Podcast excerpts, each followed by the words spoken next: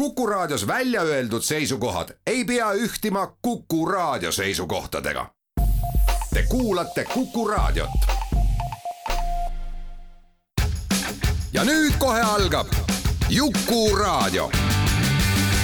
Juku-Kalle Raidi köögilaua taha ongi juba kogunenud kõikvõimalikud spetsialistid ja muidu toredad inimesed. tore, et sina ka tulla said. häid mõtteid toob Juku-Raadiosse Postimehe kirjastus üks lapsesuu on lausunud, et oled loll kui saabas, kui usud kurje vaimusid või kanget kivi kaabas. et vaime pole olemas ja jumalat ka mitte, et ainus veider olevus on olnud Adolf Hitler. Hando Runnel. tere, siin Tallinn, Kuku raadio täna olen mina Juku-Kalle Raid, kuigi mu tegelik nimi on Aet Kukk ja olen Inimõiguste Instituudi tegevjuht. ja täna on mul kaks külalist ja nemad tutvustavad ennast ise, üks on Kristina Mänd ja teine on Eva Eeg Paluste. palun, Kristina. aitäh, Aet, kutsumast. mina olen Kristina Mänd ja töötan Eesti E-riigi Akadeemias ja minu ülesanne on aidata in, äh, inimesi ja kodanikuühendusi ja avaliku sektori asutusi kasutama digilahendusi targalt demokraatia ja kodanike kaasamiseks. põnev töö. see oli nüüd väga pikk tsitaat. Eeva, kuidas sinu kuulda on? minu nimi on Eva Eik Pajuste, ka aitäh kutsumast. olen Lennart Meri konverentsi direktor sellel kohal viiendat aastat. et et äh, minu meelest on Lennart Meri konverents äh, Baltikumi ja Põhjamaade parim konverents. sellel aastal toimub ta kaheteistkümnendast neljateistkümnenda maini. nii et äh, väga tore siin olla täna. ja siis üks hästi oluline detail, mida kunagine saatejuht palus öelda, saade kannab numbrit nelisada viiskümmend neli nii et meil on väga ilusad numbrid kokku, kindlasti kui numeroloogiast võtta liita kokku ja lahutada. annab hea tulemuse. kätte et, et siis näeme, et mis siis pärast tuli, aga tänased teemad, millest me räägime, oleks siis muide kõigepealt, kuna me oleme köögilaua taga, mida Juku alati rõhutab, et see on köögilaud, siis tegelikult ma hea meelega kuulaks, mis on teie kõige segasem, põnevam, huvitavam restorani või köögilaua elamus, aga ma alustaks nagu ise, et me siin rääkisime teie peale Eevaga, kui me siiapoole jalutasime, et minu üks niisugune kogemus restoranist ja imelikust kohast ja kes seda pidasid, on pärit kahe tuhande seitsmendal aastal Afganistanist Kabulis, kus me läksime pärast õhtul linna peale sööma Itaalia restorani, tuletan meelde, Afganistanis, Kabulis, Itaalia restorani, mida pidasid Kasahhist pärit venelased. toit oli päris hea, aga minu arust me sõime Afganistani toitu. Kristina mõtlesin kohe selle üle sind kuulates, no eks kõige sellised eksootilisemad kogemused on ikka seotud toiduga, toores kalaliha Gröönimaal või koer Põhja-Koreas või, või lambasilmad äh, Marokos või, või midagi sellist. aga mu selline kõige võib-olla mm, huvitavam lugu on, on selline, et ma elasin ja töötasin kunagi New Yorgis. Ja mul oli üks väga armas restoran teisel avenüül, mille nimi oli Frutti di Mare. Ja seal tehti musta pastat kreveti ja Pernod kastmes, mis oli imehea, aastaid me seda sõime. ühel hetkel seda enam ei olnud, restoran oli kinni pandud, oli olnud tulevahetus, omanikud olid, oli seal väike sihuke tapatalg toimunud ja kokk oli jalga lasknud. noh, kurb, eks, aga siis läks mõned aastad mööda ja sattusin Taisse matkama koos Samui saarele Läksin sinna, öeldi mulle, et siin on jube Itaalia restoran tekkinud, mine vaata. Lähen sinna Itaalia restorani, lähen istun maha, vaatan menüüd, loen ja mõtlen see on ju seesama kokk ja siis ütlesin teenindajale, et, et kas teie koka nimi on see ja see, ta ütleb jaa, ma ütlen, kutsuge ta välja. Ja tulebki seesama New Yorgi kokk, kes on sinna pättide eest ära põgenenud, et teda mitte maa ei koksataks ja ma ütlesin, kulla mees, ja tal oli nagu hea meel mind näha, aga ta oli kergelt ehmatanud ka. kuidas sa mu üles leidsid? ma ütlesin, mina ei leidnud sind üles, toit ja menüü viisid sinu juurde, et kui sa ikka tahad nagu identiteeti varjata, siis, ähm, siis muuda, muuda käitumist ja muuda menüüd. Eva, sina no minul midagi väga peent äh, vastu, vastu pole panna, et ma pigem, pigem tuletan meelde, kuidas ma tudengi ajal äh, reisisime äh, Kesk-Aasias ja tudengitena raha sai ikkagi täiesti otsa ja Buharas oli üks tšaihhana, kus me siis käisime viimase raha eest diivanitel istumas ja teed joomas. ja äh, kulipilgul jälgisime, kui äh, kui rikkad usbekid olid teeninud, olid siis tellinud suure liuatäie pilahvi, millest oli äh, hea toon jätta vähemalt kolmveerand järele. ja niipea, kui nad olid nurga taha kadunud, siis me olime selle pilahvi ümber nagu väikesed äh, raisakullid ja ausalt öeldes see meid ka päästis, et ma ei, ei tahaks nüüd öelda, et see on minu kõige peenem restorani kogemus, aga igastahes võib-olla see siia ritta sobib. Keena, ma veel ütleks, et mul on kogemus sealt äh, Islandi ja Gröönimaa lähedalt, just Gröönimaalt Waalburgerist ja Sealburgerist, et kusjuures seda Sealburgerit vist tegid ühed hiinlased seal kohapeal. ja, ja, ja vaalaliha päästab gröönlaste elu ja kõikide inimeste elu, kes peavad külmal merel kala näiteks püüdma ja vaalaliha närimine on see, mis sind soojas hoiab. aga ma ütleks, nagu ma olen vaalaliha söönud Väga ja vaalaliha on täitsa hea, et kes maksa armastab, et äh, ma ütlen päris sarnane ja, ja soovitan, aga nii, lähme edasi et ja siis teine asi, et mida ma tahaks ära mainida, me oleme siin kõik saanud oma kulinad. meie oleme Kristiniga viielised. aga Eeva on meil neljaline, aga see on lihtsalt sellepärast, et järgmine nädal on vabariigi aastapäev ja ja ikkagi, kui me oleme presidendi poolt sellise autasu saanud, siis ikkagi, kes see ikka ise oma saba tõstab, kui ise ei tõsta ühesõnaga, me oleme väga heas seltskonnas. nii, aga valimised on tulemas ja välja on tulnud kolm erinevat kompassi, kas olete proovinud teha ja kas olete leidnud ennast või, või olete endaga täiesti pahuksisse läinud, et mina pean ütlema, et mina olen avastanud, et ma olen liberaalne, Eesti parempoolne konservatiiv. No tuleb välja, et me oleme siin skaala päris erinevatel otsustel, mina tegin ära kaks valimiskompassi kolmest, tegin ära Postimehe oma ja ERR-i oma ja peab tunnistama, et skisofreenilist olukorda ei tekkinud, et see otsus, mis ma olin enda jaoks langet-, langetanud, kelle poolt ma valin, seda valimiskompass mulle ka näitas, aga äh, defineeris ta mind äh, vasakliberaalina. Mina tegin Delfi ja siis tegin Postimehe, ERR, seda ma veel ootan, seda ma teen paari päeva pärast. minul samamoodi ka ei tekkinud sellist hullumeelset olukorda, täiesti vastas ootustele, vastas arusaamadele. Ehm, ja inimene, kelle poolt mina valin Postimehes, pakuti mulle välja viienda kandidaadina, nii et eh, sobis igati.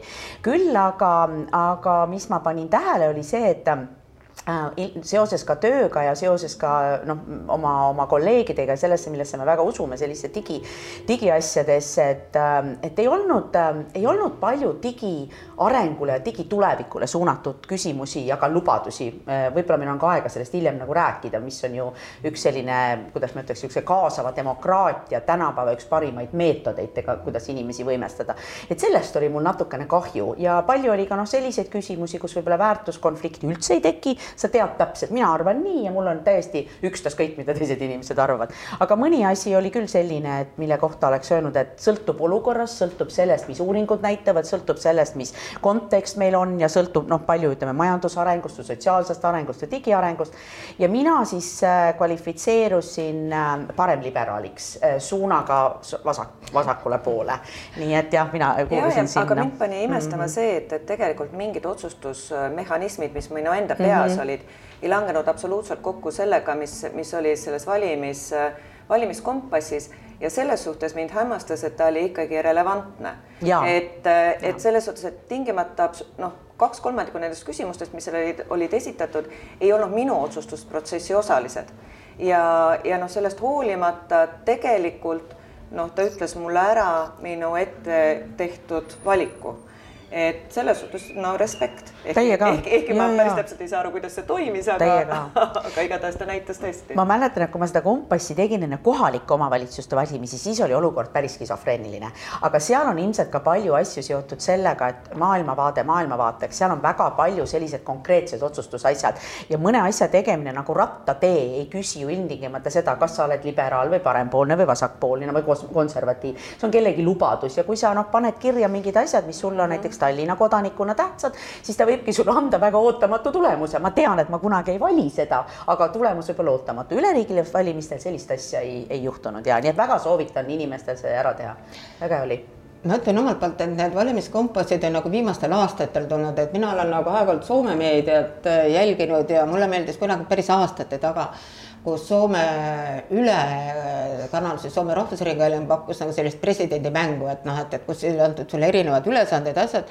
kui nüüd rahvas tuleb, et sa pead nüüd otsustama, mida sa teed, kuidas su kõne koosneb, mitmest punktist ta võib olla, et mis on kõige olulisem, sinu kuulajad ja need ja need. ja see oli nagu päris huvitav, et sa said nii-öelda nagu kõik need nii-öelda situatsioonid läbi mängida, et kellele sa kõnet pead, mis punktidest sa kõnet pead, mida nad kuulavad. et see oli nagu selline väike selline nii-öelda nagu mäng, aga reaalne mäng mäng, et noh, mis kuidas ja Eva, palun. aga mis mulle veel, mis, mis mind üllatas, oli see, et mind defineeriti selle valimiskompassi järgi üksmeelselt vasakliberaaliks.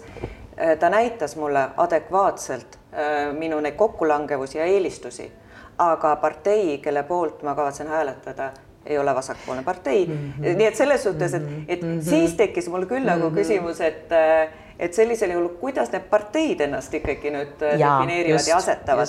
et äh, mina võin enda kohta noh, öelda küll, et, et ma arvan, et, et jah, ma olen vasakliberaal, aga, aga see partei ei vasta sellele definitsioonile, mis sellest, et meie maailmavaade suur, kõige suuremas osas langeb kokku aga siin on üks huvitav detail, nagu me oleme juba teise ühisosa avastanud, et liberaalne sõna käib meilt nii-öelda kõigist läbi.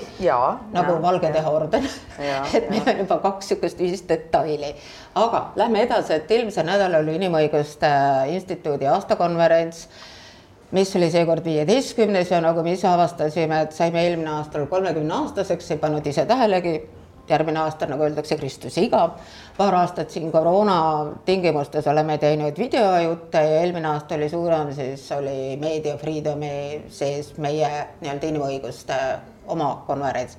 aga ma ei tea, Kristiina, kuidas sinul, aga Eeval on kindlasti ka endal väga suur konverentsi korraldamise kogemus, et äh, mida sa nagu ütleks nii-öelda, nii-öelda takkajärgi, ütleme nagu ütleme siis kasvõi sellise korralduse või tehnilise poole pealt, et et mida teistmoodi, loomulikult ei saa inimõiguste aastakonverentsi ega Lennart Meri konverentsi nagu omavahel võrrelda, et noh, nad on nii teistsugused, teistsugused sihtrühmad, kuigi mingid isikud ja mingisugused külalised ja ja mingid teemad võivad nagu ühtedi, aga, aga ikkagi on nad nagu erinevad, aga samas on nad ikkagi üksteist toetavad. täiesti ja tegelikult Äh, kõigepealt, äh, et aitäh, Aet, et sa võtad sellist asja teha, et minu meelest on see nagu ülimalt vajalik, minu jaoks oli terve see päev äh, väga huvitav. Ja, ja minu meelest noh, mis mind imestama paneb, on see, et miks ma ei näinud seal telekaameraid, miks ma ei näinud seal, seal ajakirjanikke, no hea küll, oli, oli, eks ole, Neeme Ruus, kes oli ka osaline ja, ja, ja vabandust, jah. ja, ja olid ja me nägime hiljem ka ERR-is oli Niina Hruštšovaga oli pikk intervjuu e, ja veel paariga, aga tegelikult on minu meelest see kajastus oli, oli väiksem, kui ta oleks võinud olla. ja selles suhtes, et, et noh, minu meelest, kui, kui meil on Eestis lava peal noh, sellised nimed nagu Nobeli preemia laureaat Dmitri Muratov nagu Hruštšovi lapselapselaps Niina Hruštšova, nagu Mihhailo Sava Ukrainast, kes, kes noh, minu jaoks on, on nagu totaalne noh, nagu eeskuju ja inimene, kellest ma ülimal määral pean lugu. et siis minu meelest me võiksime sellest Eestis rääkida rohkem võin instituudi enda poolt öelda, et ajakirjanikud ja lehed said kutsed, pressiteates oli kõik kirjas, aga tänapäeva meedia vist on, tuleb tunnistada, selliselt tehtud. kõigil on oma terve hulk ridu, mida nad peavad iga päev kirjutama, mitu tähemärki nad peavad kirjutama, kuhu nad peavad kirjutama ja kõik nii edasi, aga omalt poolt saan ikkagi öelda, et Dima Muratoviga ilmub märtsi alguses suurem teleintervjuu Kanal kahes ja ja minu teada vist peaks see intervjuu pärast tulema ka Postimehes, siis mul on veel hea meel öelda, et Postimehe ajakirjanik tegi ka Valgevene esindajaga väga hea ja väga pika intervjuu, kust me nii-öelda kuuleme põhjalikumalt, sest Valgevene esindaja ei jõudnud kõike nagu rääkida päris oma paneelis ära, aega jäi lihtsalt nagu väheks. ja, ja no ütleme niimoodi, et ja meil oli nagu üks põhimõte, et me ei teinud sellist otseülekannet läbi veebi, vaid just nimelt, et sihuke vahetu enda emotsioon. aga noh eks seda võib ajakirjanikest küsida, kuhu nad jäid, aga Kristina, palun. minule ka väga meeldis, et ma arvan, et ma nendest viieteistkümnest konverentsist olen käinud kuskil kümnel.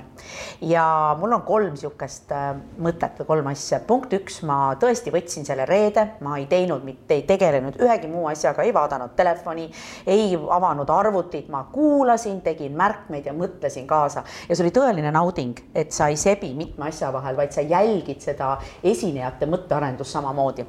tehnilise poole pealt minule väga meeldis see, et inimesed, kui nad soovisid, said rääkida oma emakeeles ja see tõlkekorraldus oli ikka täiesti fenomenaalne. ja päris äge oli vahepeal kuulata, kuidas Trotski läks vene keele pealt inglise keele peale ja tagasi, Neeme Raud läks eesti keele pealt inglise keele peale tagasi. et seda oli vahva vaadata ja kuulata, aga, aga tore, et inimesed said öelda mitte seda, mida nad oskavad võõras keeles, vaid seda, mida nad tahavad oma emakeeles. minu meelest oli see väga, mulle väga väga sümpatiseeris see. me oleme seda varem ka korra proovinud ja noh, tegelikult teadlikult tagant, see tekitab muidugi meile isegi seekord tekitas meile tegelikult tunduvalt raskemaid asju, et leida Valgevene Eesti, Valgevene inglise, Ukraina Eesti, Ukraina eesti keele tõlke ja kusjuures paljudel ei olnud nagu sellist sünkroontõlgi kogemust, aga siis tänu Karin Keerdole, kes siis juhatas ja vägesid juhatas, tegi nendega proove, õigel ajal vajutas klappe ja kõiki nuppe, on ju, et saime nagu korda, et et aga põhimõtteliselt, mis me oleme avastanud, et inimene räägib seda paremini ja vabamalt paneelis, kui ta saab rääkida oma emakeeles. paljudel võib-olla ei ole igakordset esinemiskogemust, et võtta nii-öelda kokku ja kohe kon kon nii-öelda konkreetselt ja lühidalt oma mõtet edasi anda. aga et see, kui ta saab oma keeles nagu mõtteid avaldada, et see annab nagu palju juurde. muidugi oli meile natuke kulu juures ja kõike muud, aga noh, see selleks. et ja visuaalselt ma oleks ka seda, ütle, tahaks ka seda öelda, et ähm, Eerik Akadeemia korraldab iga kevad äh, suurt e-valitsemise konverentsi, ma saan aru, et meil on siin kõvad konverentsid koos kõik on ju. ja sellel aastal mai lõpus ja see on alati hübriidkonverents, noh, ta digi või e-valitsemise e konverents on ka keeruline ilma hübriidita teha. ja seal on tuhandeid inimesi, Eestis on kohapeal mitusada ja mis mulle väga meeldis äh, selle inimõiguste konverentsi puhul, mida ma kindlasti oma, oma, oma kolleegidega ka arutaks, oli see, et mulle meeldis see helgus, mida need taimed ja valge värv ja sellist taust ja kõik kuidagi andis, et see oli need kerged läbipaistvad toolid ja kuidagi ta, ta oli selline noh, et see teema oli ju väga raske, me ilmselt noh, räägime ka nendest teemadest, eriti see viimane paneel oli eriti raske minu meelest. aga, aga see kuidagi õnnestus teha väga selliseks ähm, kerge on vale, noh jah, ma arvan nagu jah, ker-, nagu kergeks, et ta ei mõjunud rusuvalt. jah, me oleme alati püüdnud just nagu visuaali ja kõigega, et ei oleks lihtsalt, et kolm tooli on nelja ritta pandud ja kaks tooli on ette pandud ja kaks mikrofoni on ette pandud, vaid ta oleks ikka erinev ja, ja et inimesed oleks igal aastal erinevad, et ei ole niimoodi, et ma teen noh, pildialbumi lahti, mõtlen mis aastal see pilt tehtud kes nad pimeduses istuvad seal on ju. et, et eelmine aasta olid samad inimesed, üle-eelmine olid samad inimesed, jälle samad inimesed, et noh, et, et millal see tehtud on. aga Eva, räägi sina. no mis ma, mis ma tahtsin öelda, oli, mis mul tuli mõte seoses sellega, kui sa ütlesid, et inimesed räägivad kõige paremini, kui nad räägivad oma emakeeles ja et, et, et ükskõik, kuidas ennast siis väljendaksid, et see on erinev mul tuli seoses sellega meelde, need on, see on suurepärane materjal, mis ma arvan, et tuleks kindlasti kunagi ka raamatuna välja anda, on ühe naise mälestused, kes enne sõda siis enne, enne ütleme siis sõdadevahelisel perioodil Eesti, Eesti Vabariigi ajal töötas Välisministeeriumis kõikide Eesti Vabariigi aegsete välisministrite isikliku abi ja tõlgina. pärast sõda ta võeti kinni, pandi üksikvangistusse Äh, pimedusse, ta oli seal enda arvestuste järgi umbes seitse või kaheksa kuud. Ja et mitte hulluks minna, äh, siis ta ütles, et ta hakkas endale oma päevi äh, kirjeldama, iga päev. Ta valis ühe keele, mida ta valdas, oli kuus või seitse, ja et ta, et ta iga päev siis kirjeldas oma päeva endale selles, selles keeles, mis ta oli valinud. Ja ütles, et päevad olid kõik erinevad ja mõnikord sai isegi nalja et, et mis, mis on lihtsalt see, et tõepoolest sellest keelevalikust noh, sõltub nii mõndagi. Lennart Meri konverentsi puhul me oleme teinud selle valiku, et meie töökeeleks on ikkagi inglise keel, lihtsalt seal on noh, teised valikukriteeriumid, et, et, et see diskussioon oleks võimalikult vahetu, et seal ei oleks tõlgi, tõlgivahendust, et see kõik oleks võimalikult kiire. Aga me teeme eelürituse, mis on eraldi venekeelne paneel koostöös Avatud Eesti Fondiga ja, ja meil on olnud inimesed, kes siis on olnud nii selles venekeelses paneelis kui ka põhiprogrammis, kus nad on esinenud inglise keeles. ja huvitav on olnud see, et, et ehkki noh, nende sõnum on ju tegelikult sama, on see olnud täiesti teistsugune et, et siin ma tõesti sekundeerin, et see keel omab tähtsust, aga selleks, et seda seal kohapeal nautida äh,, mida rohkem sa nendest keeltest aru saad, seda parem. absoluutselt nõus. et, et noh, ma ütlen, et mina kasutasin tõl-, tõlgi vahendust Ukraina ja Valgevene keele puhul ja ma olen täiesti kindel, et seal läks mul ka kõige rohkem kaotsi mm. -hmm konverentsi nimi oli siis Sõda, diktatuur ja inimõigused ja meil oli seal vabariigi president Alar Karis avas selle. Seda kõnet on võimalik nii-öelda tema koduleheküljel tema alt lugeda, ma ei hakka seda tsiteerima, teema oli väga aktuaalne, millele ta pööras tähelepanu. Ja pärast seda tuligi esimene paneel, kus oli, mida juhtis õiguskantsler Ülle Madise ja kus osalesid siis Dmitri Muratov, Nobeli preemia, Nobeli rahupreemia laureaat, Novaja Gazeta peatoimetaja, mis siis nagu vahetult päev enne seda sai järjekordse Moskva kohtu poolt äh, tühistamiskeelu, ühesõnaga tegevusluba neil ei ole, et nad võiksid tegutseda, et võivad ainult seal vist neil on Euroopas on, mitte vist, vaid päris kindlasti Euroopas on neil üks niisugune oma portaal, kus nad natukene saavad midagi avaldada ja oli siis Niina Hruštšova äh, meile nii-öelda võib-olla meie põlvkonnale veel tuttav Nikita Hruštšovi lapselaps, kes siis juba pikemat aega elab New Yorgis ja on seal äh, New School'i ülikooli professor. aga mis mulje see jättis, see paneel teile? Huvitava. tegin märkmeid ka muidugi ja, ja sealt minule nagu kõige, ütleks selle paneeli kohta seda, et see oli kõige ettevaatlikum paneel, et see võttis nagu aega, enne kui nad käima läksid, et võib-olla ka natuke see, et kui palju nad teineteisele oli üldse oodata, et nad oponeeriksid või, või kas üldse oli seda vaja või kas seda oodati, et ja, ja võib-olla oleks ta vajanud viiteist minutit veel, et kuidagi nagu lõpetada, noh, lõpetada. aga, aga seal oli paar sellist mõtet, mis ma endale nagu kaasa võtsin. Ja, ja, ja, ja kirja panin, et üks on kindlasti nagu see, et oli see keskklassi teema, et seal oli küsimus, eks ole, et kus on Vene keskklass, miks nad ei protesteeri Putini režiimi vastu. Ja hästi lihtsustatult öeldes. Ja seal oli selline huvitav mõttearendus, et aga keskklassiks on tänapäeval Venemaal muutunud jõustruktuuride inimesed, kellel on see toitu, toitumisahel suure juhiga nii suur et nad ei protesteeri selle vastu, nad, neil noh, nad, nad kas siis oma tuleviku pärast või oma, oma hirmust või mugavusest või nii edasi, et see oli üks huvitav asi, mille peale ma, ma ei tea, kas see on tõsi, aga see oli üks sihuke huvitav mõttearendus, mis sealt nagu läbi käis.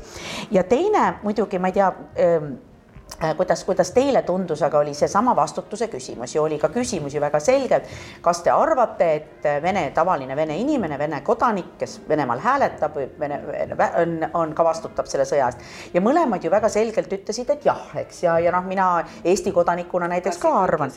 no ütleme niimoodi, et ütlesid esimese hooga ja siis tuli aga ja siis tuli nagu selline laiendus, eks, aga esimese hooga ütlesid küll jaga, aga ja, ja mina arvan ka, et ma Eesti kodanikuna vastutan ükskõik, mis valitsus meil ei ole, kas mina siis valin nende poolt või mitte, et noh, ikka arvan.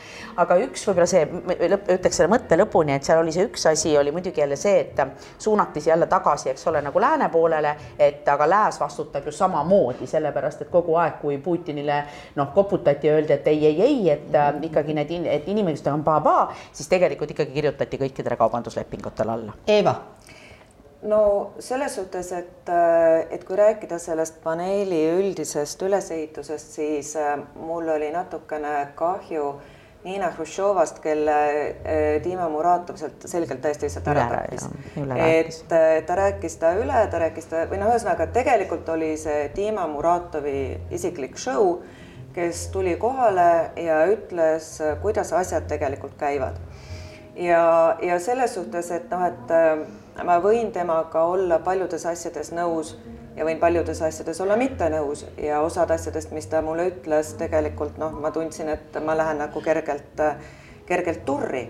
aga ma arvan, et nii nagu Maria Bebškihhigi, nii nagu Dima Muratovit, meil tasub väga tähelepanelikult kuulata, sellepärast et nad on äh, ükskõik, kas me nimetame seda opositsiooni liberaalseks või mitte, kas me nimetada, nimetame teda imperialistlikuks või mitte, aga nad on, nad on ühe osa opositsiooni väga tüüpilised esindajad ja nad kannavad mingit laiemat mõtte, neil on laiem kandepind kui, kui ainult nad ise. ja meil on väga-väga kasulik tegelikult nende mõtteloogikast proovida aru saada äh, ja proovida aru saada sellest, äh, mismoodi nemad nagu näevad äh, lääne ühiskonda ja lääne ühiskonna toimimist. Et minu jaoks selles mõttes oli ikkagi on noh, olnud väga huvitav näiteks ka äh, Šiškini hiljuti no eesti keelde tõlgitud raamat, kus ta ütles selle kohta, et äh, et Lääs ja Venemaa suhtuvad üksteisesse suure, suure uudishimuga ja jälgivad üksteist väga suure tähelepanuga, aga optikaga on midagi viltu, et kumbki pool näeb iseenda peegeldust. Ja, ja selles Dima Muratovi äh, Äh, sõnavõttudes ma nägin nagu palju just seda, kuidas ta kannab nagu vene mõtteviisi üle läänele ja, ja noh, nagu ja, ja, ja siis sealt noh, nagu tulevad paljud, paljud tema tõekspidamised, paljud ka tema süüdistused, millest noh, osasid ma tõesti pean üsnagi no ütleme põhjendamatuteks, aga tal on selleks õigus mm. -hmm. et ma nagu ütleks nagu see, et Dima Muratovi puhul peame arvestama seda, et tema resideerub Moskvas ja kui tema peab oma minema. kõnesid ja muid avalikke sõnavõtte, siis ta peab teatud nüanssidega arvestama ja selles suhtes ma ei ole nõus siin võib-olla osade äh, ajakirjanduses ilmunud äh, mõtetega, et me ei saa oodata temalt, et ta jookseks nii-öelda Punasele väljakule, rebiks särgi eest lahti ja laseks pommimööga midagi ennast õhku, vaid paratamatult, et, et et tuletame meelde kas või Nõukogude aega, et kui ka meie juhtivad kultuuritegelased käisid välismaal, ega nemad ka selliseid jutte ei rääkinud, vaid samamoodi hoidsid ikkagi ennast tagasi, olid eh, intelligentsed ja viisakad, sellepärast et tuli koju tagasi tulla. Et mind pani natukene, me võiksime mõelda ka selle üle, et, eh, et Dima Muratov suhteliselt eh, no ütleme reljeefselt tegelikult süüdistas lääne ühiskonda paljudes Venemaa, Vene, Venemaa vahedes, aga ma tahan öelda et et me võiksime selle üle natukene järele mõelda, et, et siis, kui Eesti süüdistab Saksamaad kõiges selles, mida ta on teinud ja tegemata jätnud, alates siis alates siis Angela Merkelist ja lõpetades nüüd Scholziga, siis me leiame, et meil on selleks täielik õigus, aga kui tuleb Dima Muratov ja ütleb tegelikult väga suures osas neid samu asju, et siis me nagu tõmbame turri. see oli nüüd selle esimese paneeli kokkuvõte, aga mida ma tahtsin nagu öelda, et paneelid tulevad kõik internetti ülesse, kõik saavad neid kuulata, aga varsti kohe jätkame teiste paneelidega, nii et jääge meie lainele. Te olete Kuku raadio lainel ja kuulate Jukuraadiot. häid mõtteid toob Jukuraadiosse Postimehe kirjastus me oleme jätkuvalt Juku-Kalle köögilaua taga. me oleme jätkuvalt kolm naist. Kristina Mänd, Eva Jõek-Pajuste ja mina kui Juku-Kalle naispool, Aet Kukk. täna on saade number nelisada viiskümmend neli ja me räägime inimõiguste aastakonverentsist, mille pealkiri oli Sõda, diktatuur ja inimõigused. eelmises saate osas rääkisime siis esimesest paneelist, kus siis Dima Muratov ja Nina Hruštšova rääkisid, mis Venemaal tegelikult toimub ja mis toimub kaugemal ja kuidas Lääs sellest aru saab vahepeal oli lõuna, kõik sõid Boriši, mis on UNESCO maailmapärandis, mille pärast Ukraina kõvasti võitles. aga lähme järgmise paneeli juurde, mis siis oli, ütlen teile kohe, et ma ei eksiks, võitles väärikuse vabadusest Ukrainas, Valgevenes ja Venemaal. ja seal olid siis moderaator Artemi Trotski, Valgevenet esindas Helena Loptsionok, Mihhail Sava esindas Ukrainat, Ljubov Sobol Venemaad ja Marko Mihkelson Eestit. rääkige nüüd, mis mulje see paneel teile jättis?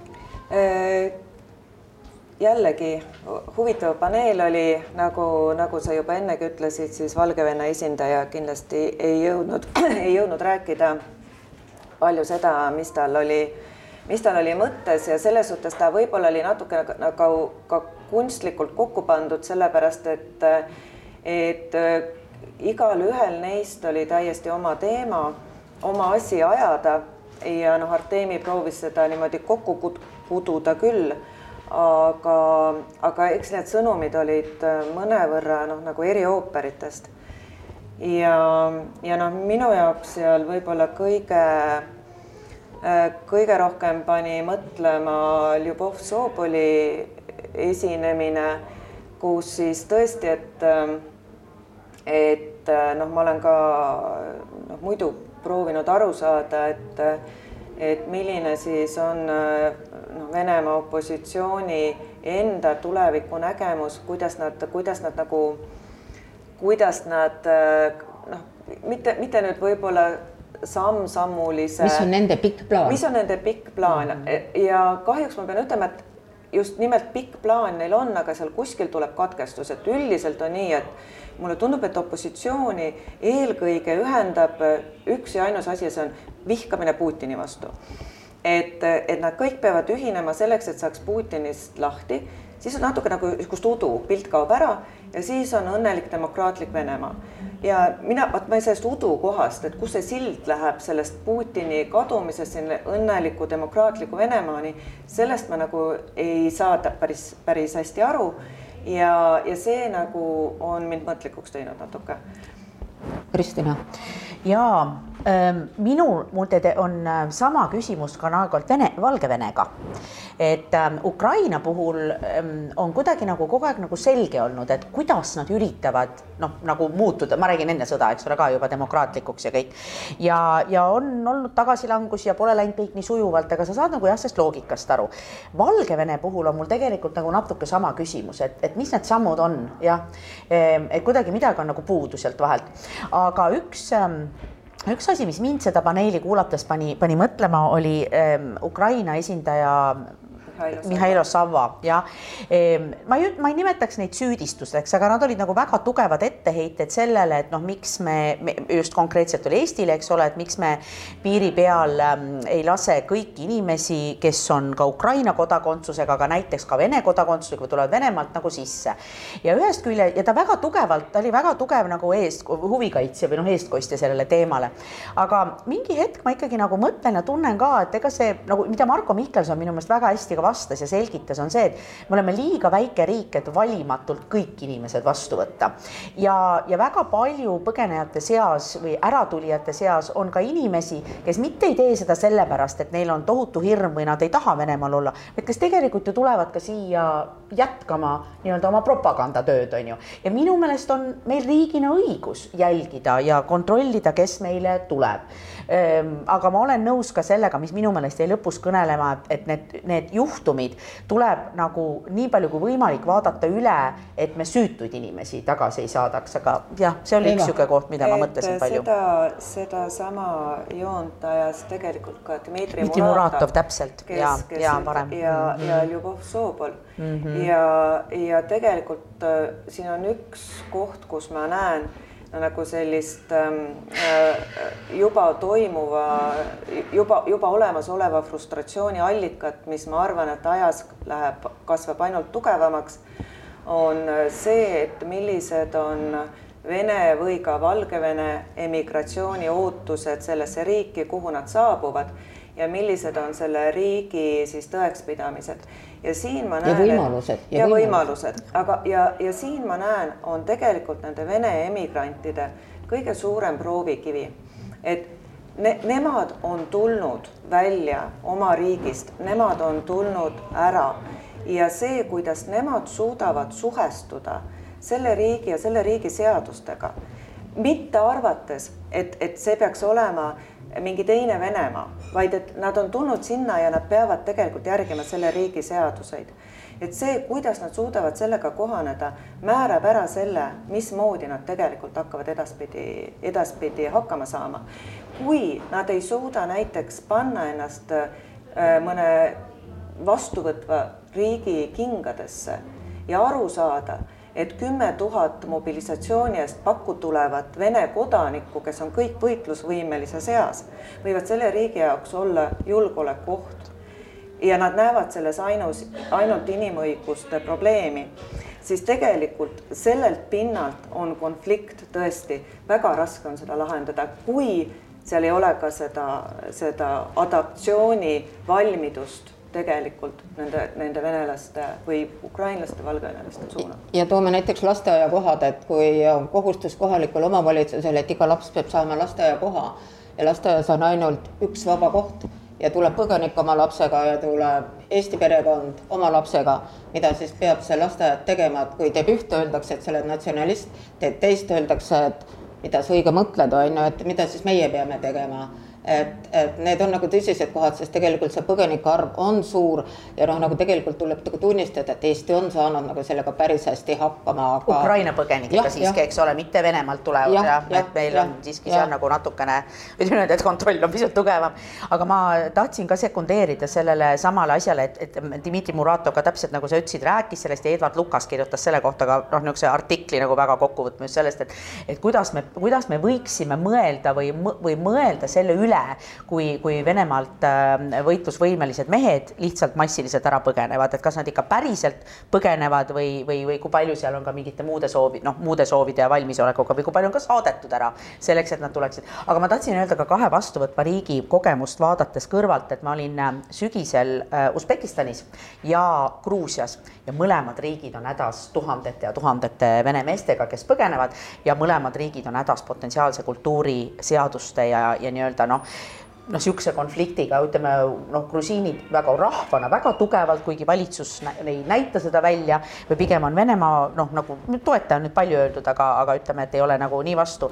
Usbekid on, on veel rangema kontrolli all, aga inimene nagu valitsuse poolt ka, aga inimesed omavahel tänaval rääkides ja, ja üritustel rääkides on nagu väga-väga mures sellega, nad ütlevad, et see, see, see jah, täpselt see Russki Mirri toomine meie koju, et me oleme hiljaaegu alles vabanenud Nõukogude Liidu alt, et see ei ole see, mida me tahame. nii et seal võib ka potentsiaalselt konflikte tulla päris palju veel.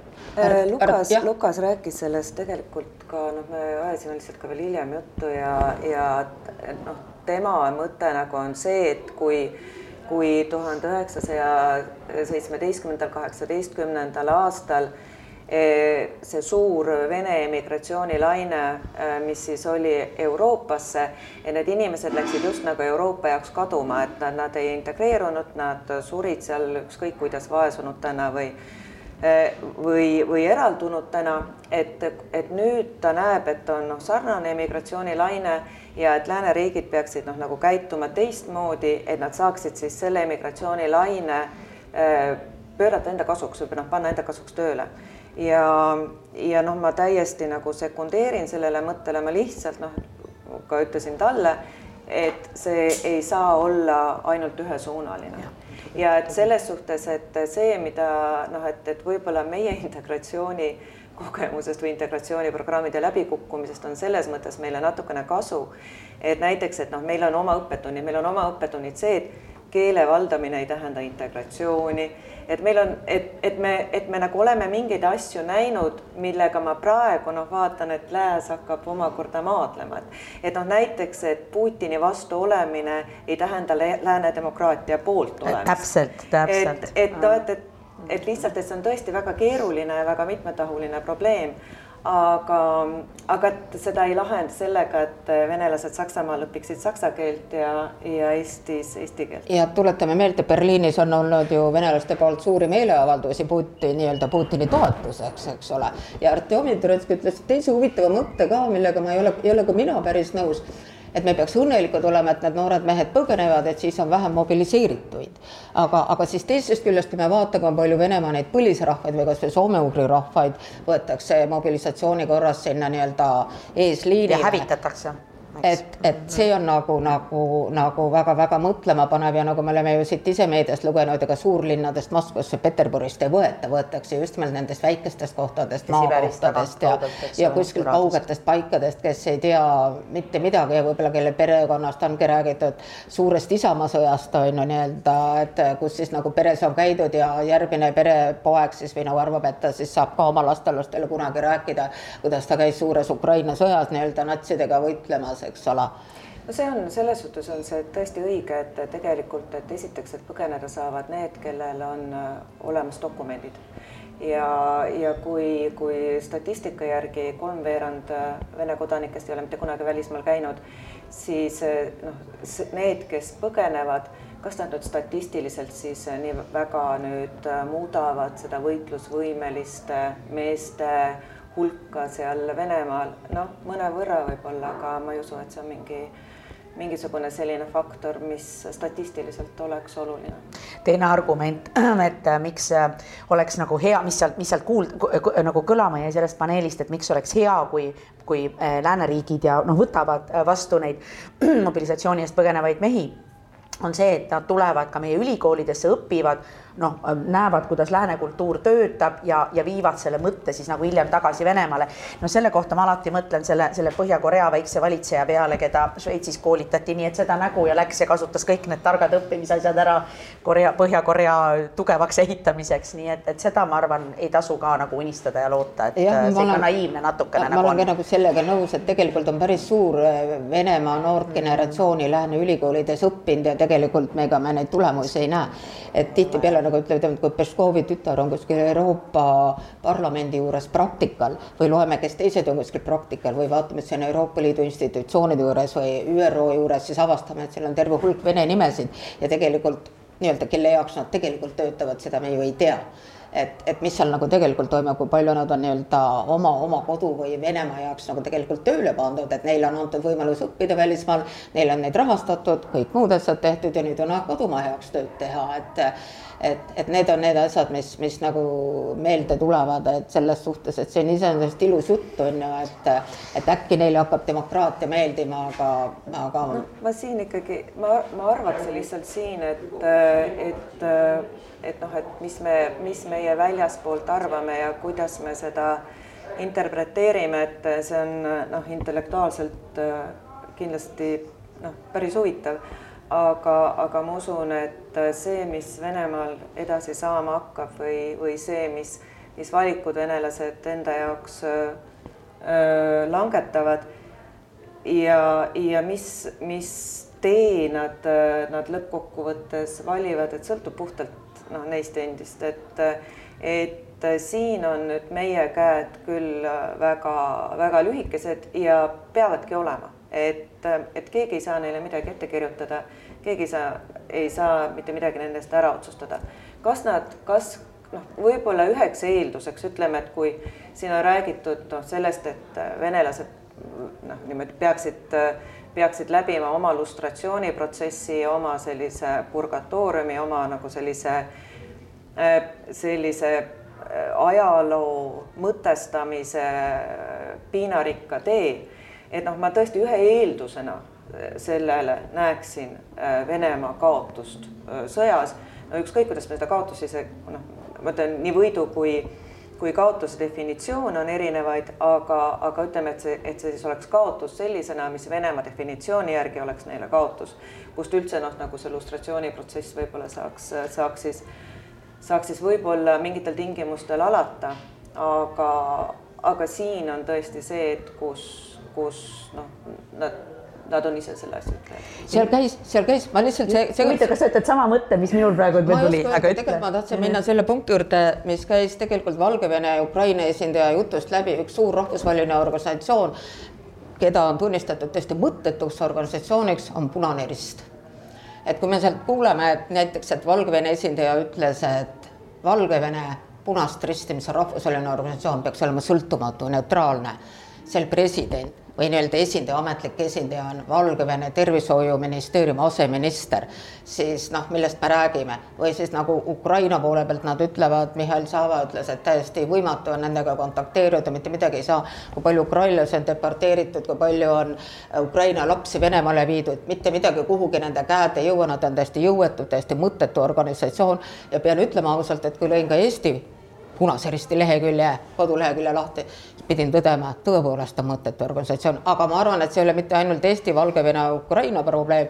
mulle tundub, et see rahvusvaheline nii-öelda peakorteri kõige suurem probleem, et nad, need, kui omal ajal Punane Rist loodi nende õilsate eesmärkide ja pühendumuste eesmärkidel, et need on kuskil ära kadunud, ta on läinud mingisuguseks kummaliseks asjaks, millest enam mitte keegi aru ei saa, aga Kristina, tahtsid midagi öelda? ja et seda oli tõesti, ma ütleks ka, et seda oli väga kurb ja, ja kahju kuulata selliseid asju, aga mina mõtlesin, et sa tahad hoopis selle asja öelda, mis mina nüüd ütlen äh, jätkuks eelmisele loole, et üks oli tõesti see, et nagu väga õigesti sa ütlesid, et, et see on ikkagi venemaalaste enda kätes, mis see tulevik neile toob ja kuidas. aga teine asi, mis sealt läbi käis paari mõttena, ma ei mäleta, kes seda ütles, nii et ma seetõttu ei tsiteeri, aga oli see, et teine asi, mis võiks kiirendada seda, seda lustratsiooniprotsessi, niisugust noh, niisugust kerget purgatooriumi enese ümbermõtetamist ja, ja, ja kuhu, kuhu ruum ikkagi kuulutakse, on Venemaa lagunemine, et, et laguneb, laguneb väikseid riike sealt küljest ära. noh, seal ei mainitud, aga noh, minu pea käis läbi näiteks, et no, tuleb Burjaatia riik ja nii edasi, aga see mõte käis, see mõte nagu käis sealt nagu läbi, aga ma arvan, et üks asi, millest me peame kõik nagu aru saama ja, ja mõistma, on see, et ei ole niimoodi, et Venemaa inimesed näevad maailma nii, nagu ütleme, meie näeme ja nad lihtsalt otsustavad käituda teistmoodi või nagu näiteks hiinlased, et ta näeks maailma nii nagu mina, aga siis ta otsustab, et ta ikkagi käitub teistmoodi, et siis me küsime, et aga kuidas sa nüüd niimoodi tegid või miks sa nüüd niimoodi tegid. meil on, noh, nad näevad, inimesed näevad maailma teistmoodi, nende arusaam, mis võib olla demokraatlik või väärtuslik või mis on kodaniku roll selles või mis on avatus või, või, või see on lihtsalt nii totaalselt teistmoodi. meie näeme seda ühtmoodi, paljud inimesed näevad teistmoodi ja võib-olla tema venemaalasena on täpselt sama segaduses, miks mina aru ei saa? No mina üldiselt kahtlen Venemaa lagunemisse selles suhtes, et jah, et kui meie vaatame oma mõtte otsast, meil oleks see kasulik, aga kui me vaataks, et USA laguneks osariikideks, siis kaoks meil nagu üks väga suur ja tugev liitlane ära. nõus.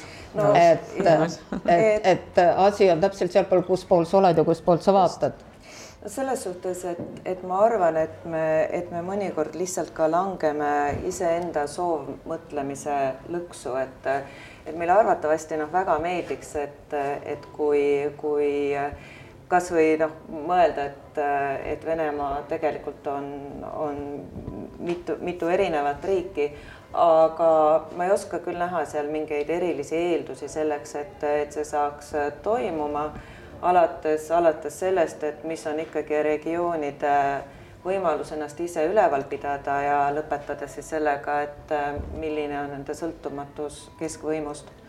nii, aga meil on jäänud siis viimane paneel Venemaa vastutus kuritegude eest Ukrainas, mis oli ütleme nii-öelda meie kõigi jaoks ka kõige raskem paneel kõige keerulisem, sellepärast et rahvusvahelise õiguse sellega, kui palju me ühel või teisel kombel oleme kokku puutunud ja ütlen päris ausalt, et mina ei julge väga palju nagu sellel teemal rääkida, ma saan lihtsalt nii-öelda üldinimlikul tasandil sellest, kuidas mina seda näen ja tunnetan, et detailidest ei saa, aga mis mulle väga meeldis nagu Wayne Jordasi poolt öeldud, et kui palju tegelikult maksab üks rahvusvaheline kriminaalkohus või see case või nende asjade arutamine, et see ei ole mitte lihtsalt, et tuleme, et see, need on miljardid. miljard, miljard, jah, Tallinna summad välja aga palun, Kristina ja see oli raske selles mõttes, et, et äh, see oli tehniliselt väga huvitav ja seal rääkisid juristid, seal rääkisid inimesed, kes seda protsessi teavad. Ja minu meelest sealt käis läbi paar sellist mõtet, mis olid väga head, üks oli täpselt seesama, mida sa ütlesid, et see, seesama esineja mm, kes rääkis, et, et, äh, et kui, äh, et need on väga kallid, need protsessid ja väga aeganõudvad, aga mis oli selle asja kokkuvõte, ta ütles ju ka ise, et ta on oma meelt muutnud, ta arvas ennem, et ei peaks tegema, nüüd ta arvab, et peab. sest kui sa ei, kui sa ei lõpeta ühte tapatalgu ära protsessiga, mis mõistab selle radikaalselt hukka, nii nagu juhtus Nürnbergis siis see jääb, see tuleb tagasi, see kehtib uuesti ja uuesti, nii nagu me nägime, eks ole, Venemaa sissetungiga Gruusias, Venemaa sissetungiga Ukrainas. see tuleb, selle, sellele tuleb punkt peale panna ja teine, mis minule meeldis, oli, mida, mida välisminister Reinsalu ütles, et, et see sõda näitab, kas me oleme väärt oma vabadust või mitte. ja, ja ma arvan, et see tribunali kokkupanek äh,, millega võetakse vastutusele mitte ainult üksikud sõdurid, vaid võetakse vastutusele otsuse tegijad ja andjad, oli, on väga oluline ja Parmase mõte, millega ta lõpetas, oli see, et äh, kummipael peab asenduma punase joonega, et niisugune, vot kolm niisugust asja, mis mulle kõrva jäi. Eeva no vot, et kui me nüüd räägime sellest kummipaelast ja punasest joonest, et siis äh, tegelikult Nürnbergi protsess oli äh, ja on siiamaani paras kummipael, sellepärast et kui me meenutame äh, tegevust Baltimaades, siis, siis toimu-, toimus see täie aktiivsusega veel ka kahe tuhandendatel ja veel kümme aastat tagasi, kuni siis tõesti nüüd vist või nüüd siis nüüdseks vist on siis nüüd viimased natsisõjakurjategijad äh, surnud oma loomulikult. aga Eva, hinnang kuritegudele anti Nürnbergiga ära, see, et protsess võis jätkuda, on teine asi, aga hinnang anti ära, see oli vist see point, mis selles ja, ja selles, selles noh, praegu ikkagi ütleme, et, et nii palju, kui see ei puuduta agressioonikuritegu, vaid see puudutab, eks ole, sõjakuritegusid, inimsusevastaseid kuritegusid, siis tegelikult see hinnang on ju antud ka juba praegu. selles, selles ei kahtle keegi ja selles minu meelest ka mingit mingit suurt diskussiooni sellel teemal või lahkarvamusi ei ole, pigem on need lahkarvamused ja diskussioonid ikkagi sellel teemal, et kus on siis see riigi suveräänsuse ja vastutuse, vastutusele võtmise balanss ja määr. aga, aga noh, mis minu meelest on ikkagi, on noh, väga, väga positiivne, on see, et kui need sõjakurjategijad ikkagi kasvõi kuskil oma alateadvuses teavad, et see kirves ripub nende pea kohal. et varem või hiljem. et varem või hiljem, kui nad ja. selle sammu Venemaalt välja astuvad, nad võetakse kinni. ja juba see minu meelest on suur samm edasi. meie saade hakkab vaikselt äh, otsa poole liikuma, aga nagu jälle oleme aru saanud, me, meie kui tõelised Eesti naised oleme saanud hoo sisse, ei tahaks veel ära lõpetada, aga teie lõpusõnad. oh, oh mina arvan, et mina eestimaalasena ja kodan-, maailma kodanikuna pean ikka iga päev kogu aeg tegelema sellega, et inimõigused on kaitstud. lisaks sellele, et digi päästab samamoodi maailma ja aitab inimõigusi kumb on tähtsamad, ühiskonna õigused või, või inimõigused? minu jaoks tasakaalus, kord üks, kord teine. Eva, sinu lõpusõnad no selles suhtes, et, et ma arvan, et äh, Venemaa ei kao meie kõrvalt kuhugi, mida paremini me seda tunneme, seda, seda parem. Ja samal ajal jätame mõned asjad venelastele endile lahti arutada ja, ja ära sorteerida, aga see ei tähenda, et me ise ei peaks teadma neid nii põhjalikult kui vähegi võimalik mina tänan meie saatekülalisi täna, Kristina Mändi ja Eva-Eek Pajustit, oli Juku-Kalle raadio saade number nelisada viiskümmend neli. mina olin seekordne Juku-Kalle, Aet Kukk Inimõiguste Instituudist. aitäh teile! üks lapsesuu on lausunud, et oled loll kui saabas, kui usud kurje vaimusid või kanget kivi kaabas. et vaime pole olemas ja jumalat ka mitte mõista, et ainus veider olevus on olnud Adolf Hitler. Hando Runnel. häid mõtteid toob Jukuraadiosse Postimehe kirjastus